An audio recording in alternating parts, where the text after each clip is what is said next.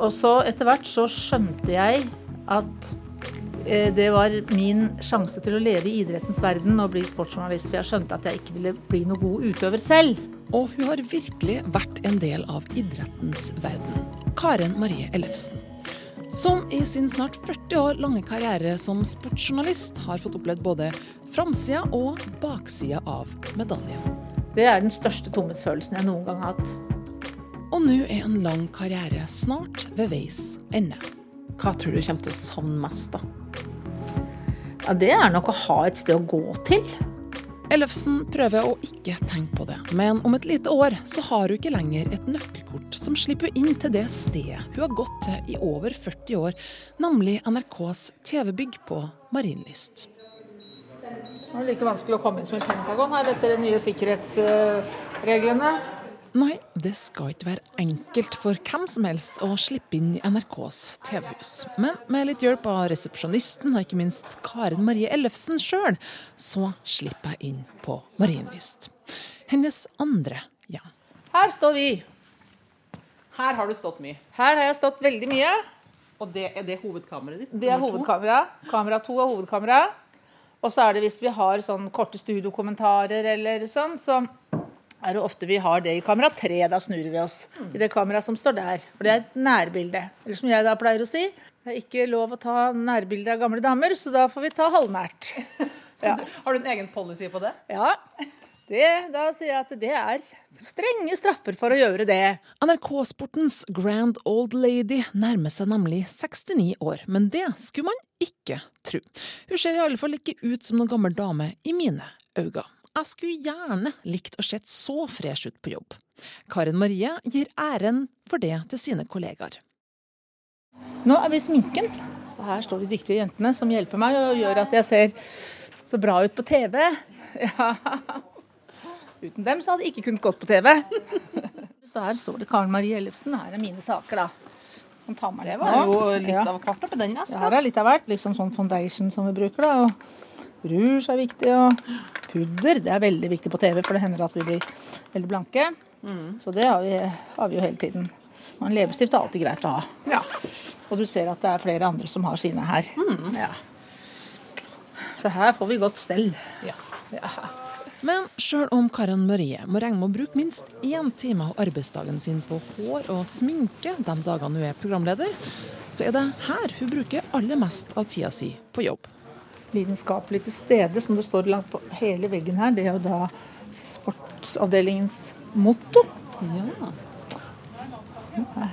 Og her har jeg sittet hele dag og jobba med reiseregninger, reiserapporter og med forberedelser til Bislett Games. Så um, dette, vi har ingen faste plasser, da, så det er først mølla på å male her. Og det er bare å finne seg en plass og sette seg ned og ja. Men da er det fortsatt en sjetteplass. Det er noen stemmer som har vært med oss hele livet. Kanskje var det Erik Bye for noen, eller kanskje det var Arne Skeie for deg. For meg er Karen Marie Ellefsen en av de stemmene. En som har vært fast på skjerm og bak mikrofon fra sida før jeg ble født. Og som det skal bli rart å forestille seg idrettsarrangement som hopprenn eller Diamond League-stevner uten. Og så er kule for eh, kvinner eh, avgjort, og vi skal her se vinnerstøtet til Bang Li Chao. Men det må vi begynne å gjøre. Innstille oss på det, altså. For nå nærmer det seg slutten på TV-karrieren til dama med den stødige kommenteringa og det store idrettsengasjementet. Hvordan føles det at det begynner å nærme seg slutten her i yrkeskarrieren? Jeg prøver å ikke tenke på det. Jeg prøver å, å leve mest mulig i nuet. Og vi har jo ikke noe eh, garanti for at vi får en morgendag, eller at vi, hvor lenge vi lever og sånn. Så altså, det, vet vi jo ikke. Og eh, altså, jeg kan ikke liksom begynne å tenke på det nå, for da ødelegger det også den tiden jeg har nå. Kommer som det kommer. Og, eh, så jeg prøver å nyte den tiden jeg har nå. For nå er det Bislett Games som gjelder. Jeg treffer Karen Marie på en av sine heimebaner bare to dager før det braker løs i Oslo sentrum. Og inne her sitter vi da, som skal kommentere, vi tre. Vi sitter her. Ja, det er bare to stoler her, men det kommer nok en til. Og Her har vi jo god oversikt. Og inni det lille rommet med den store utsikta setter vi oss ned for å prøve å nøste opp i en 40 års lang karriere som sportsjournalist. Et karrierevalg som unge frøken Ellefsen tok svært tidlig i livet. Jeg bestemte meg for å bli sportsjournalist da jeg var ni år gammel. Men, ja, for jeg var veldig, veldig interessert i sport. Og jeg tror at faren min har mye av æren for det, da, for han var veldig interessert i sport. Og særlig i fotball, men også, også i andre ting. Og, og vennene mine også i, på den alderen. Vi var, var særlig skøyter på den tida da, som var det populære. Og mens eh, andre da samla på bilder av eh, filmstjerner og popidoler, så samla vi på bilder av skøyteløpere. Jeg har utklippsbøker på loftet hjemme i Valdres den dag i dag som er fulle av bilder fra avisene av skøyteløpere.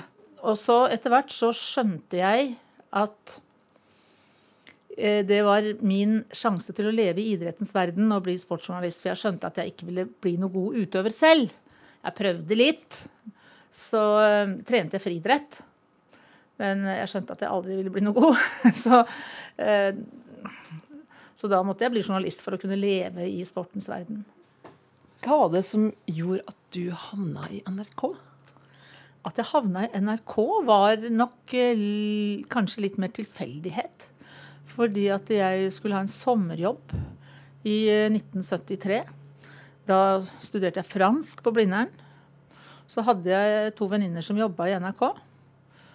Og så søkte jeg der, da, om de hadde noe jeg kunne gjøre. Jeg hadde ikke noen preferanser om eh, hvor jeg skulle være, eller noe sånt. Og så ble jeg helt tilfeldigvis plassert på sentralbordet i Dagsrevyen.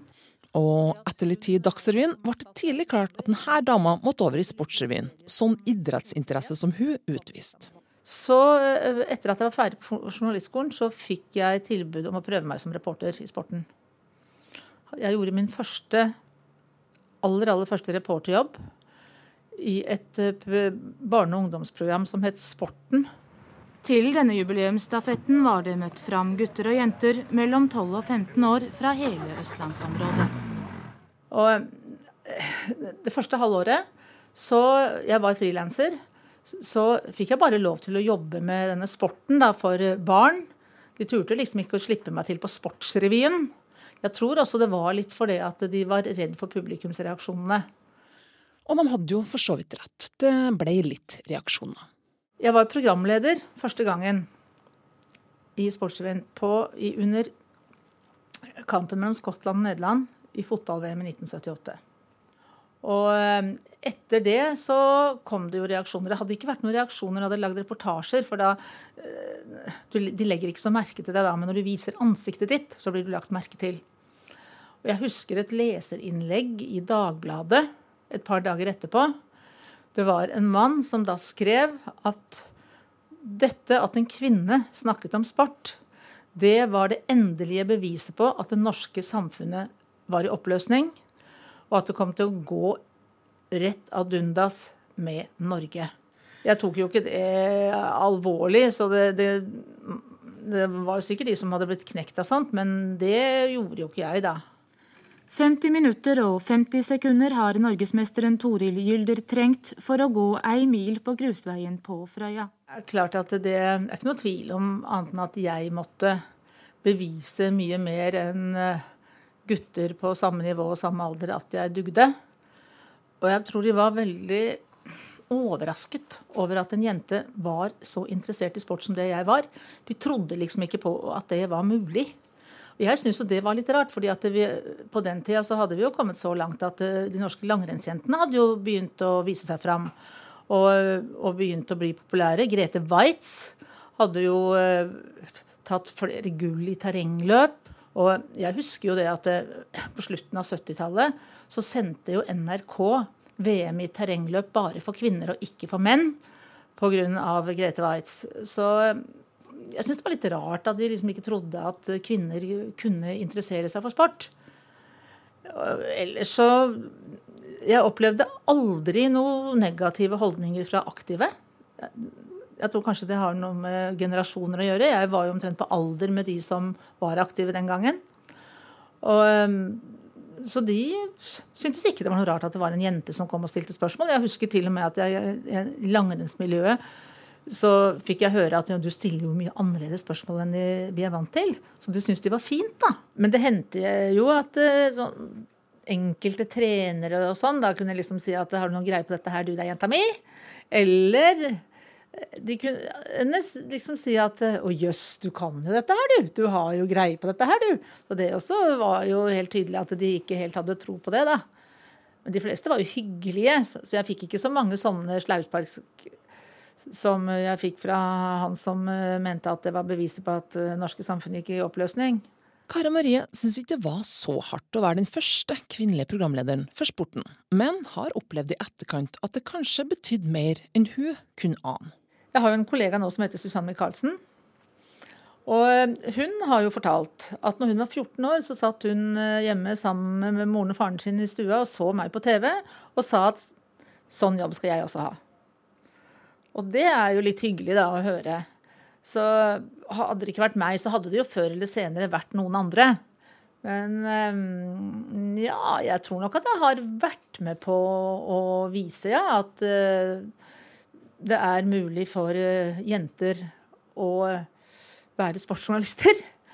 For de fikk jo mye kritikk for at det ikke var eh, kvinner i eh, sporten, særlig i NRK og i sportsjournalistikk ellers. Men da forsvarte de seg med at ja, men det er jo ingen som søker.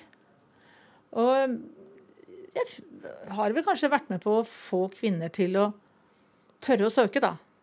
Så i dag er det jo veldig mange så, så, i dag er jo ikke dette noe issue i det hele tatt. Men det er jo ofte sånn at eh, man trenger rollemodeller. Sånn er det jo i alle yrker. Så, sånn, sånn, sett så har jeg nok kanskje betydd en del. Så Maren Lundby, gratulerer med bronsen. Takk for det. Du, nå har du én gullmedalje. Det begynte og... som en enkel sommerjobb i sentralbordet til Dagsrevyen, og endte opp i et livslangt engasjement for TV-sporten og i høst er det 40 år siden hun fikk fast ansettelse i NRK. Har hun noen gang vurdert noe annet arbeidssted? NRK har vært en fin arbeidsplass, og jeg har jo trivdes godt der. Og for meg så har ikke det vært noe alternativ å gå noe annet sted. Jeg trivdes veldig med den jobben jeg har gjort. Så eh, det har liksom ikke vært noe alternativ å søke seg andre steder. 40 år siden du fikk den jobben. Snart. Hva, hva Eh, syns du har vært de største endringene i sportsjournalistikken generelt? Ja, For det første så er jo utdannelsesnivået blitt mye høyere. Nå har jo nesten alle som jobber hos oss nå, har en journalistisk utdannelse. Og sånn var det jo ikke den gangen. De hadde gjerne praksis fra aviser og sånne ting. Og så var det eh, flere av dem som hadde vært lærere. Men uh, utdannelsesnivået er blitt uh, høyere. Og jeg tror kanskje at uh, den gangen så var de som kommenterte, de var mer entertainere. Mens nå er de som jobber med sport, mer journalister. Er det positivt eller negativt, tenker du? Nei, Det vet jeg egentlig ikke. Jeg tror at begge deler er bra, da. Vi har nok kanskje mista noen av personlighetene alle er kanskje litt mer like nå. For de har ofte den samme bakgrunnen. Men det er jo fint at det er, er blitt eh, et mye bredere yrke. For sportsjournalistikken er jo blitt så mye, mye mer nå enn den var da jeg begynte. Da var det mest referater. At vi refererte fra begivenheter. Eller vi lagde små innslag til Sportsrevyen som også var referatbaserte. Mens nå er det jo noe helt, helt annet. Nå er det jo Vi lager jo feature. De er jo opptatt av å finne nyheter, altså drive gravejournalistikk. Finne frem til kritiske forhold. Alt mulig favner jo dette nå. Så sportsjournalistikken favner mye bredere enn før. Altså, vi, vi lagde jo feature-reportasjer, vi også, i begynnelsen jeg jobba der. Det gjorde vi nok. Men allikevel så er det, favner det mye, mye bredere nå. Og bare hos oss, og det som er forskjellen hos oss, var at når jeg starta der, når det var direkteoverføringer fra begivenheter, så var det direkteoverføring fra begivenheter og ikke noe annet. Men nå, fra de største arrangementene nå, så har vi jo med egne intervjuere som intervjuer utøvere, trenere, ledere, familie. Og vi har med reportere som lager innslag, som vi også putter inn i sendingene. Og vi kommer nok kanskje nærmere innpå utøverne. Vi kanskje blir bedre kjent med utøverne på den måten. Så det har jo forandra seg veldig. Og ikke minst etter at uh, den digitale revolusjonen kom. Med, altså både med nett og med sosiale medier. Det har jo eksplodert. Og det har jo også gjort at redaksjonen hos oss har blitt mye, mye større. I bunn og grunn har det vært en god utvikling, tenker du? Ja, jeg må jo si at jeg syns det. Den har jo utvikla seg i takt med samfunnet for øvrig. Nyhetsjournalistikken har jo også utvikla seg veldig. Den var jo ikke så oppsøkende og gravende på den tida. Den var jo mer refererende, den også. Man formidla nyheter. Men nå finner man dem ofte. Så eh, man speiler jo samfunnet på en helt annen måte enn før. Men det er jo fordi at samfunnet har forandra seg samfunnet er jo blitt mer sammensatt, og journalistikken er blitt mer sammensatt. 1,98 er årsbeste for henne. Og Sing kaster spyd. Jeg må jo si at friidrett er det jeg er mest glad i, og det jeg syns er mest morsomt. Men jeg er jo interessert i all type sport. Jeg har jo vært interessert i all type sport. Og særlig der hvor nordmenn gjør det bra. Da blir man jo revet med. Greier du å rangere noen spesielle øyeblikk som liksom der du virkelig har blitt revet med? Det er jo ganske mye du har sett og kommentert, men er det noen øyeblikk som står ut, som du husker spesielt godt? Jeg blir jo veldig, veldig lett rørt. Og jeg blir mest rørt da når det er noe som går bra. Jeg gråter mye, mye lettere av det som går bra, enn av det som er trist. Og det har jo hendt et par-tre ganger at jeg har fått tårer i øynene, at tårene har rent. Jeg husker da Hanne Haugland ble verdensmester i høyde i Aten i 1997. Da kommenterte jo jeg. Og Hanne Haugland kommer. Og går over! Oi, oi, oi, var forsiktig. Og Da var det jo omhopping, for det var tre jenter som sto helt likt. Og, og da er det jo sånn at da får de ett forsøk til på den høyden de har revet tre ganger på. Men eh, de to andre de eh, greide det ikke. Men Hanne gikk over da, i det fjerde forsøket og vant. Nå kan det avgjøres. River hun nå, så har Hanne tatt gull. Men vi vet hva Babakova er god for. Hun har hoppet to meter i år. Hun hadde et meget godt forsøk på 1,99, og hun kan skjerpe seg. Vi vet det. Nei! Hanne Haugland har vunnet høydekonkurransen. Fantastisk! Hanne Haugland er verdensmester i høyde. Og da husker Jeg at jeg begynner nesten å gråte nå når jeg snakker om det. Og da, eh, og da rant tårene. Fordi at Nå hadde Trine Hattestad blitt verdensmester i spyd eh, dagen før, og sånn, og det var moro, det. Men det var jo så ventet, for hun var jo favoritt. Og hun hadde jo tatt VM-gull før. Og, men, eh, men, liksom Hanne så hadde jo aldri vunnet noe stort mesterskap. Og hadde vært med veldig lenge. Vi kjente henne ganske godt. Vi hadde reist mye sammen med dem rundt på stevner. Så det var et veldig stort øyeblikk, og det var så overraskende. For det, at da rant tårene. Jeg unnskyldte ikke det, for jeg syns bare det må være lov. Vancouver, Tokyo, Aten. Kare Marie Ellefsen har virkelig reist verden rundt med jobben sin. Har ikke vært en litt slitsom livsstil, lurer jeg på.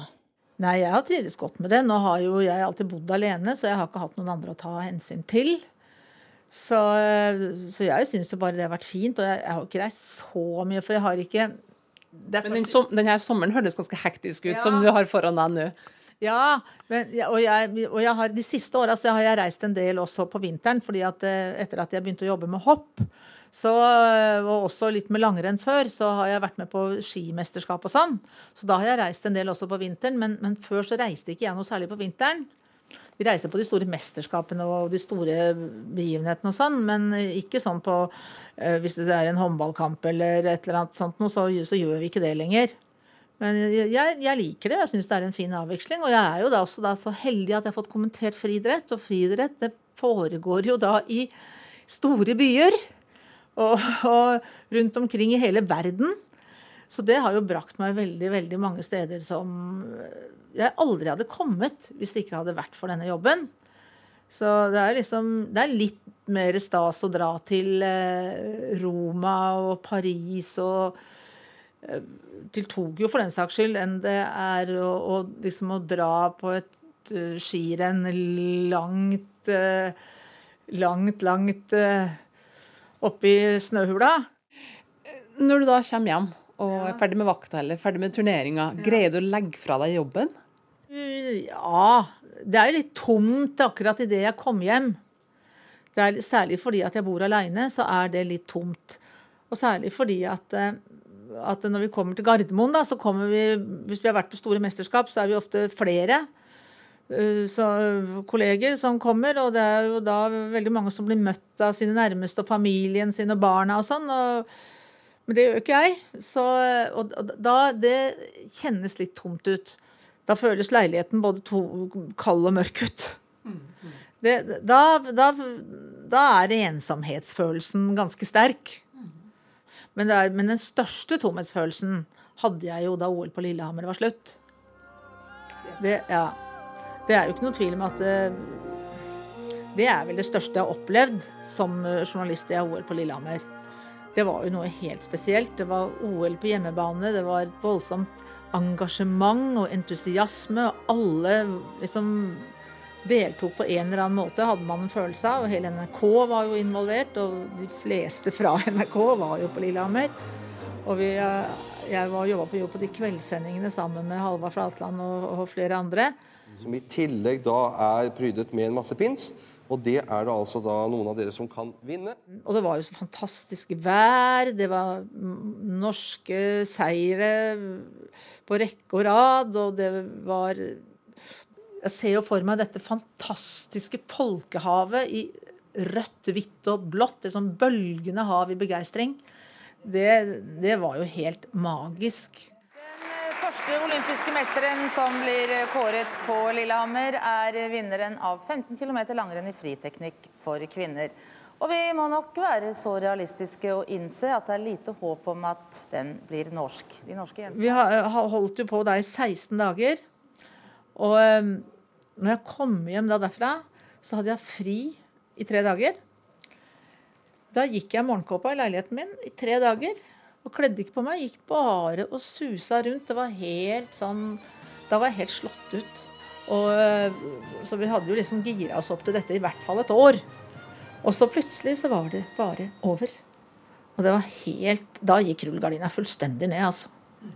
Det er den største tomheten jeg har kjent. 40 år er lang tid, og om et lite år så er det ubønnhørlig slutt i NRK. Sjøl for en legende som Karen Marie Ellefsen. Hva kommer hun til å savne mest?